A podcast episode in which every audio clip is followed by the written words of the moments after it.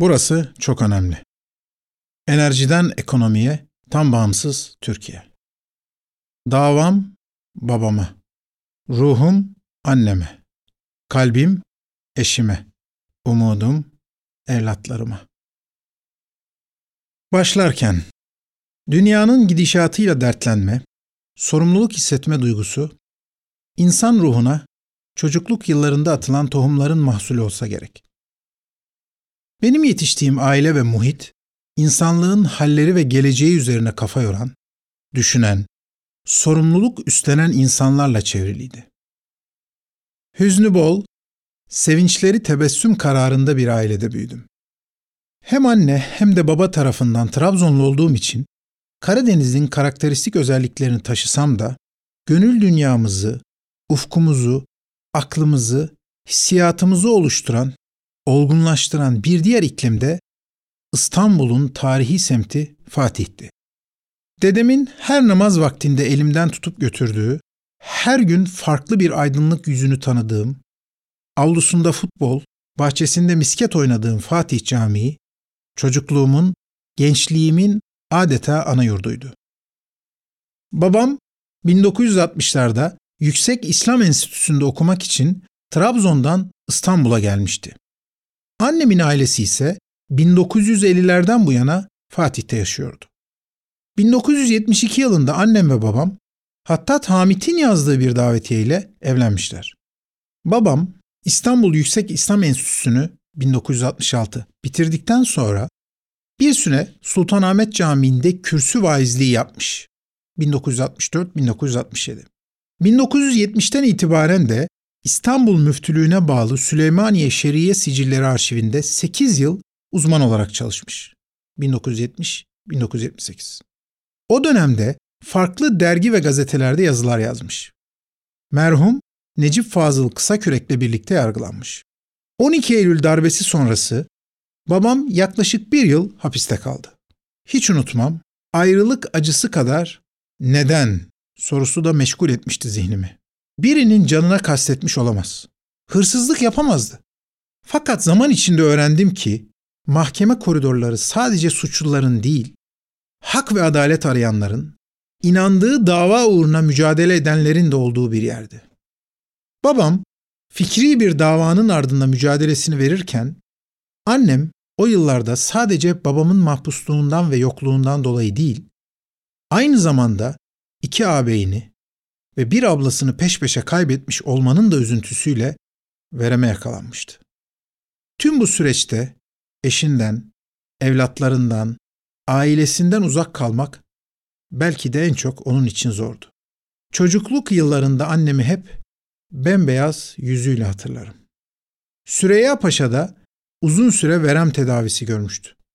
Üzüntünün her yanımızı kuşattığı o yıllarda vefat eden dayılarımın ve teyzemin öksüz ve yetim çocuklarıyla dayanışma içinde hüznü ve sevinçleri birlikte yaşayarak büyüdük. Belki de bu sebeptendir. Yaşıtlarımıza göre daha hızlı olgunlaştık. 80'li yıllarda çok hissetmediğim ama daha sonraları farkına vardığım maddi sıkıntılarımız oldu. Çünkü babam yargılamalardan dolayı ekonomik olarak da çok zorlandı. Arşivlerde çalıştığı yıllarda sahaflardan izini sürerek satın aldığı ve gözü gibi baktığı el yazması kitaplarını satmak zorunda kalmasını ise hiç unutamam.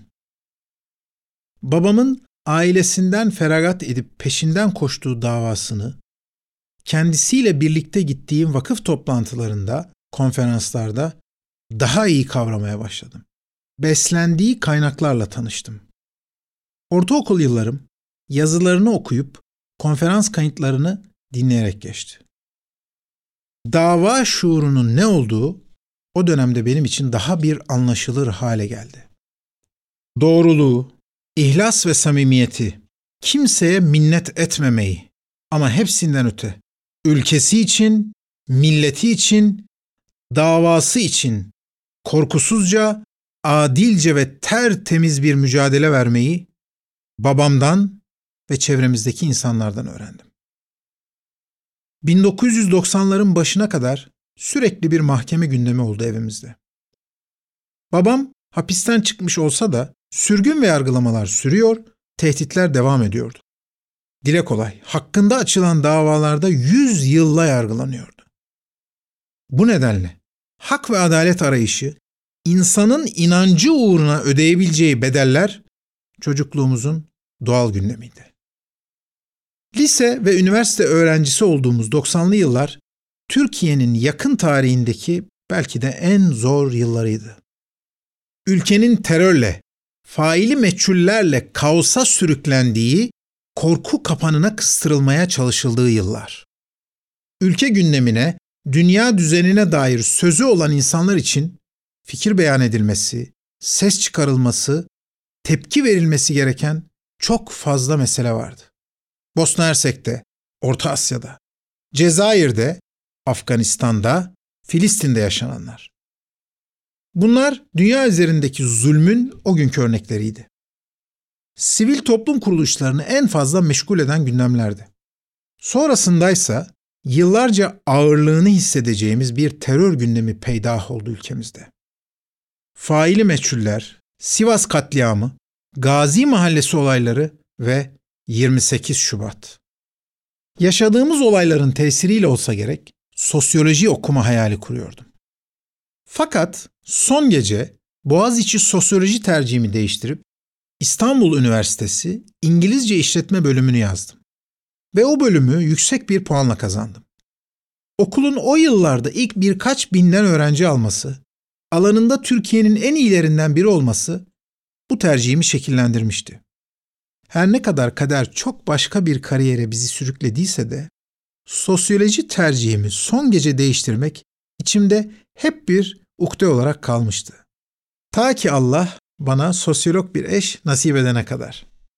İşletme bölümü sosyopolitik gündemden uzak bir alan gibi görünse de üniversite yıllarım fikir ve aksiyon anlamında hayli yoğun geçti. 28 Şubat'ın en yıkıcı günleriydi. Yasaklar, postmodern darbe tartışmaları ve başörtüsü mücadelesi o günlerin en önemli gündemiydi. Birçok başörtülü kız arkadaşımız okulunu bırakmak zorunda kalıyor, gelecek hayalleri üniversite kapısında başlamadan bitiyordu. Üniversitenin içinde gece kondu gibi küçücük bir mescitte namaz kılıyorduk. Fakat o karanlık günlerde mescitte kapatıldı. İşletme bölümünde daha liberal ve özgürlükçü hocalar vardı. Onlarla tüm bu yasakları görüştük. Hatta destek ve çözüm için fakülte yönetimine kadar çıktık. Hiçbir şey yapamayız diyerek bizi geri çevirdiler. Bu yaşananlar bende büyük bir hayal kırıklığına yol açtı. Özgürlük ve demokrasi dersleri veren hocalarımız susmuş, yaşanan adaletsizliği görmezden gelmeyi seçmişlerdi. Adalet adına bir duruş sergileyebilecekleri o anı ıskalamışlardı. Yürüyüşler, mitingler, adalet haykırışları. Bunun yanında o yıllarda vakıf ve derneklerde ülke meseleleri için mücadele veriyor, aksiyon almaya gayret ediyordu. Bir yandan da kendi harçlığımı çıkarmak için farklı kurumlarda çalışıyor, ortaokul ve lise öğrencilerine İngilizce ve matematik dersleri veriyordum. Hatta uzun süre boyunca biriktirdiğim parayla üniversitenin son yılında ikinci el bir mavi Fiat Uno araba aldım. Bu mücadeleler arasında üniversiteden mezun oldum. İşletme bölümünden mezun olan pek çok arkadaşımız da sonrasında bankalarda iş buldu. Benim ise tek kriterim rahat bir şekilde inancımı yaşayacağım bir yerde çalışmaktı. Türkiye'nin en büyük holdinglerinden birine yaptığım başvuruda audit, denetim bölümüne alınacak iki kişi için yapılan son mülakata kaldım. Mülakatım yapıldı ve sonrasında pazartesi günü benimle sözleşme imzalanacağı söylendi. Fakat pazartesi günü holdinge gittiğimde yeni bir mülakat daha yapılacağını öğrendim. O görüşmede babamla ilgili sorular soruldu. Kısa bir mülakatın ardından benimle çalışmayacaklarını söylediler. Belli ki ailevi nedenler rol oynamıştı. Bu olaydan yıllar sonra farklı bir statüde çalışırken o holdingin patronuna şirketinde nasıl bir süreç yaşadığımı anlattığımda yaşadığı şaşkınlığı hala unutamam. Bir başka uluslararası şirkette de benzer bir pozisyon için son mülakata kalmıştım. Onlar biz ekibin sosyal uyumuna önem veriyoruz. Her hafta stres atmak için bir bara gideriz. Sen onlara ayak uyduramazsın. Zaten içki de içmiyoruz. Biz seninle uyumlu çalışamayız dediler. ve başvurumu reddettiler. Bu eyleme vakası ilki kadar etkilememişti beni. Hatta saygı duymuştum. Sonuçta ayrı dünya görüşlerine sahiptik. Açıkça söylemişlerdi. Ama ilki ülkedeki ayrımcılığın, adaletsizliğin net bir fotoğrafıydı. Sonuçta özel bir holdingde çalışmaya başladım. Yurt içinde ve yurt dışında faaliyet gösteren birçok sektörde ve uluslararası projelerde çok önemli tecrübeler edindim. Özellikle 2001 yılının benim için bir kırılma yılı olduğunu söyleyebilirim.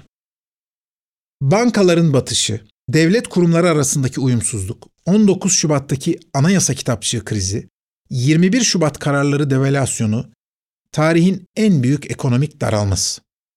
16 Şubat Cuma günü finans müdürü olduğum şirketin kredilerini uzun vadeli ve düşük maliyette yapılandırarak krizde %7500'lere kadar çıkan faizlerden etkilenmeden hatta o krizden güçlenerek çıkan az sayıda firmadan biri olduk. 2001 krizinde ortaya koyduğumuz performans iş hayatında beni çok daha iyi pozisyonlara getirse de ülkemizin içinden geçtiği ekonomik ve siyasi süreçten dolayı manevi olarak son derece mutsuz ve huzursuzdum. 2001 yazında işimden istifa ederek Amerika Birleşik Devletleri'ne gitme kararı aldım. Az bir birikimim vardı. Üniversite yıllarında aldığım Fiat Uno arabayı satıp Volkswagen Polo almıştım. ABD'ye giderken onu da satarak kendime sermaye yaptım. Unutamadığım ilk göz ağrım. 1996 model Fiat Uno arabamın izini sürüp 2021 yılında ona yeniden kavuşmam kaderin ayrı bir cilvesiydi. Amerika Birleşik Devletleri'ne giderken henüz herhangi bir okul ya da iş ayarlamamıştım. 11 Eylül olaylarından dolayı aynı günlere denk gelen uçuşumu 13 Eylül'e almak durumunda kalmıştım. 11 Eylül'den birkaç gün sonra New York'taydım. ABD'de tam bir kaos yaşanıyordu. Ülkeye müthiş bir korku ve güvensizlik ortamı hakimdi. Saldırının insanlar üzerindeki etkisini net olarak görebiliyordum. Aslında finans üzerine doktora yapmayı planlıyordum. Ama eski şirketimden aldığım teklif üzerine doktora ile iş hayatı birlikte yürüyemeyeceği için çalışırken yarı zamanlı lisansüstü eğitimime başladım. Giderken gözümde büyüttüğüm bir Amerika vardı.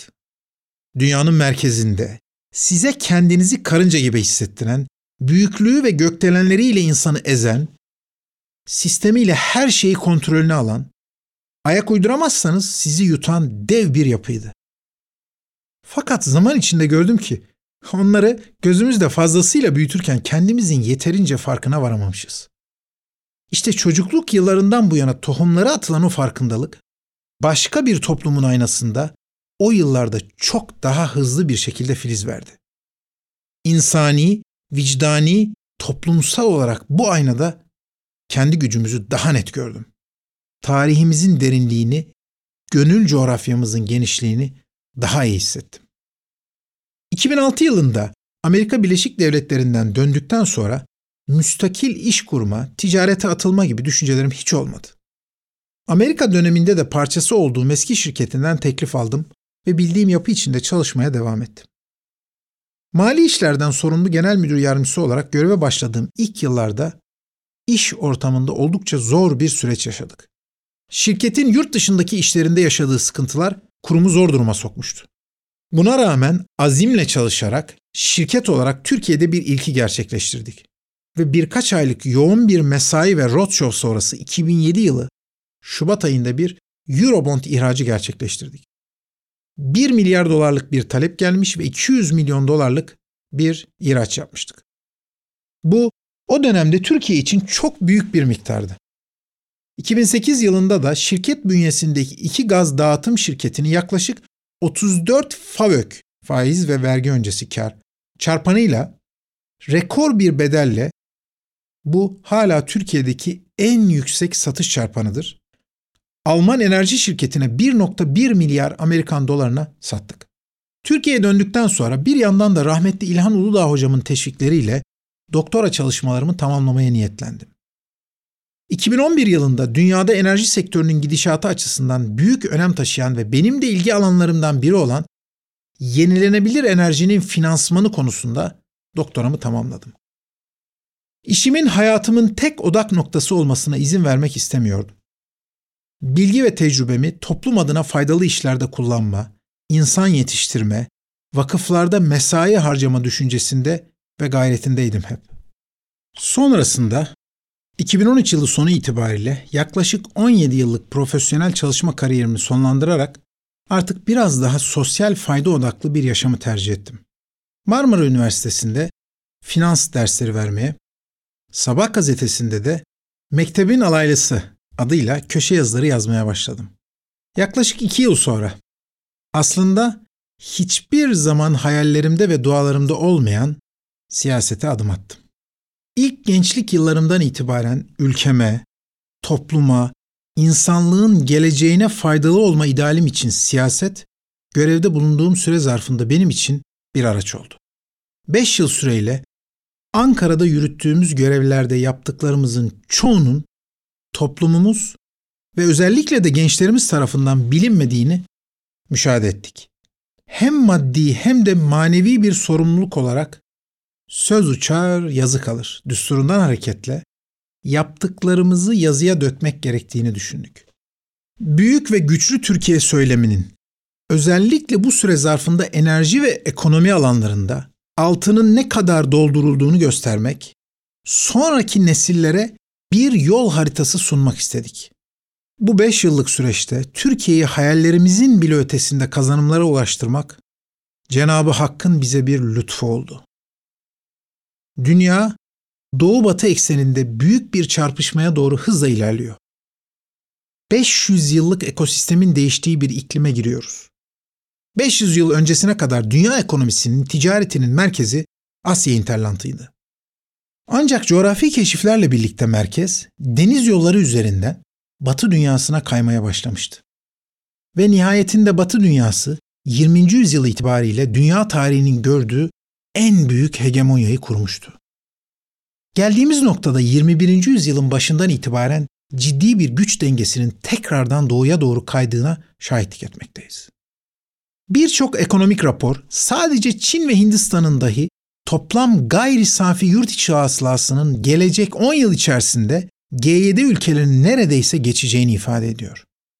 Bu iki ülkenin nüfusu yaklaşık 3 milyarla dünya nüfusunun yarısına yaklaşıyor. Üretim, know-how, pazar, arge, altyapı, tüketim vesaire artık ağırlıklı olarak Doğu coğrafyasına kayıyor. Bu büyük değişimin yaşandığı tabloda Türkiye olarak biz yaklaşık 5 saatlik uçuş mesafesinde Londra'dan Mumbai'ye, Moskova'dan Dubai'ye dünya nüfusunun ve gayri safi yurt içi hasılasının üçte birinin tam merkezinde olarak son 20 yılda atılan tüm adımların da etkisiyle gerek enerji, gerek ulaşım, gerek telekom ve gerekse ticaret altyapısıyla dünyadaki değişime en hazır ülkelerden biri konumundayız. İşte bu kitabın esas muhatabı olan gençler. Önümüzdeki 20 yıllık süreçte bütün bu eski dünya düzeninin ve sınırlarının değişeceği, güç dengelerinin ciddi anlamda batıdan doğuya kayacağı yeni bir döneme giriyoruz. Bu süreçten en kazançlı çıkacak ülkeler buna en hazır, gelişmeleri en doğru okuyan, ulusal birliğini en güçlü şekilde sağlayan ülkeler olacak. Biz de bu kitapta ülkemizin siyasi ve ekonomik bağımsızlığı için attığımız adımları, ektiğimiz tohumları özetlemeye çalıştık. Bunların bir kısmı hayata geçti. Diğer bir kısmı hayata geçmeye yeni başladı. Ve bir kısmı da yakın gelecekte uygun koşulların oluşmasıyla devreye girecek. Enerji bağımsızlığı için atılan adımların, yapılan yatırımların yerli ve yenilenebilir kaynak dönüşümünün tamamlanmasıyla artık Türkiye'nin yakın gelecekte enerji ve ekonomi alanında birinci lige yükselebileceğini görebiliyoruz. Ekonomik bağımsızlık için şart olan cari açık probleminin artık Türkiye için kesinlikle çözüldüğüne şahit olacağız.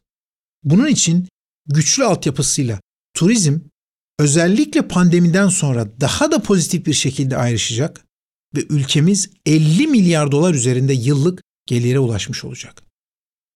Enerji ise yıllık ortalama 50 milyar dolar ithalat rakamıyla bugün için cari dengede en büyük yükü oluştururken bırakın ithalatın ikamesini Türkiye 2030 yılından önce gaz ihraç eden ülkelerin arasına girecek. Ticaret tarafındaysa uygulanan yeni stratejilerle Türkiye dış ticaret dengesinde fazla veren düzeye yaklaştı. Özellikle rekabetçi kur, yeni serbest ticaret anlaşması stratejisi, enerji ithalatındaki düşüş ve bütünleşik bir akılla geliştirilen yeni ithal ikamesi planlarıyla bu resim daha güçlü bir noktaya ulaşacak. Bunun yanında finansal güvenliğin tam manasıyla tesis edilmesi, son yıllarda atılan adımların neticesinde elde ettiğimiz kazanımların kalıcı olarak oturmasıyla artık mümkün olacaktır. Tüm bunların gösterdiği gerçeklikte Türkiye uzun yıllardır örnek, üretim, ihracat ve ekonomik yapı vesaire alması gereken ülkeler sıralamasında gösterilen Almanya ve Güney Kore'ye karşı artık iki adım öne çıkan bir sürece doğru hızla ilerliyor. Nitekim bu iki ülkenin hem enerji ithalatı hem de turizm kapasitesi dolayısıyla yakın gelecekte cari performans olarak ülkemizin gerisinde kalacağı bir döneme giriyoruz. Artık önümüzdeki yıllarda ülkemizin hem enerjide ihracatçı hem de yapılan yatırım ve atılan adımlarla turizmde dünyanın ilk birkaç ülkesinden biri olacağını ve bunun da ülke bilançosuna cari fazla olarak yansıyacağını rahatlıkla söyleyebiliriz. Nihayetinde yaşananlar, atılan adımların, artan toplumsal refah ve gelir düzeyi, ekonomik güç ve bağımsızlık gibi sonuçlarını çok yakında göreceğimize işaret ediyor. İşte bu kitap böyle bir konjöktürde Enerji ve Tabi Kaynaklar Bakanlığımla Hazine ve Maliye Bakanlığım döneminde yaptıklarımızı anlatıyor. 5 yıllık bakanlık dönemimizde hangi idealler doğrultusunda hangi politikaları ve stratejileri neden uyguladık? Üstlendiğimiz sorumlulukla ülkemiz için hangi hayallerin peşine düştük? Neleri değiştirmek istedik? Sayısız saldırı, iftira ve hakarete rağmen bizi yolumuzdan geri döndürmeyen doğru bildiklerimiz, inandıklarımız neydi? Bunları anlatmak ve tarihe not düşmek istedik. Hiçbir saldırıya, iddiaya, iftiraya cevap vermek için değil. Siyasi bir polemiğe, tartışmaya kapı aralamak için değil. Yüklendiğimiz yükün, talip olduğumuz idealin, verdiğimiz mücadelenin hayata geçirdiklerimizin ne olduğunu merak edenlerle paylaşmak, bu dönüşümün ve yeni dönemin takipçisi olacak gençlerimize yapılanları birinci elden anlatmak için. Bu kitabın derlenip toparlanmasında, metin ve anlam bütünlüğü kontrollerinde, unuttuğumuz birçok şeyin hatırlanmasında emeği geçen Mehmet Ali Berber, Ertuğrul Altın, Cem Demiroğlu, Ömer Demirhan, Tahsin Yazar beyefendilerle bakanlık dönemimde beraber çalıştığımız daha birçok arkadaşımıza ve Turkuaz Kitap editoryal ekibine çok teşekkür ederim. Görev yaptığım bu 5 yıllık süre boyunca Ankara'nın o soğuk, bürokratik ikliminde benimle aynı ideallere inanarak gece yarılarına, hatta bazen sabahlara kadar yorulmak bilmeden çok yoğun bir mesai ortaya koyan, yukarıda zikrettiğim isimler başta olmak üzere her iki bakanlıktaki tüm çalışma arkadaşlarıma çok teşekkür ediyorum. Onların bize ve ülkeye olan güçlü inancı, samimi mücadelesi ve korkusuz dik duruşları olmasaydı bu yapılanların hiçbiri olamazdı.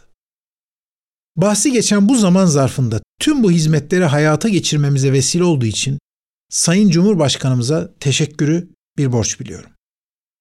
Ve son olarak yine 5 yıllık sürede bu yapılanlar mümkün olabildiyse eğer, tüm zorlukları bir an olsun tereddüt ve yorgunluk göstermeden benle çeken, sayısız gün ve gece beni motive edip her düştüğümde ayağa kaldıran çok değerli bir eşe, hayatlarının en önemli dönemlerinde yanlarında olamasam da her daim bana güç ve sevgi veren çok kıymetli evlatlara, 44 yıldır olduğu gibi bu süreçte de maddi ve manevi desteklerini esirgemeyen bir anne ve babaya, çocukluğumdan beri geçtiğim hiçbir dikenli yolda beni yalnız bırakmayarak birlikte yürüdüğüm bir ağabeye sahip olduğum içindir.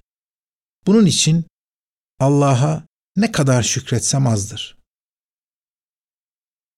Her ne kadar sancılı geçse de artık sonuna yaklaştığımız, nihayetinde ülkemizin ve coğrafyamızın son birkaç yüzyıldaki makus kaderini kökünden değiştirecek tarihi süreçte Cenabı Allah'a bu fakire kıyısından da olsa ülkemize hizmet etmeyi nasip ettiği için hamd ediyorum.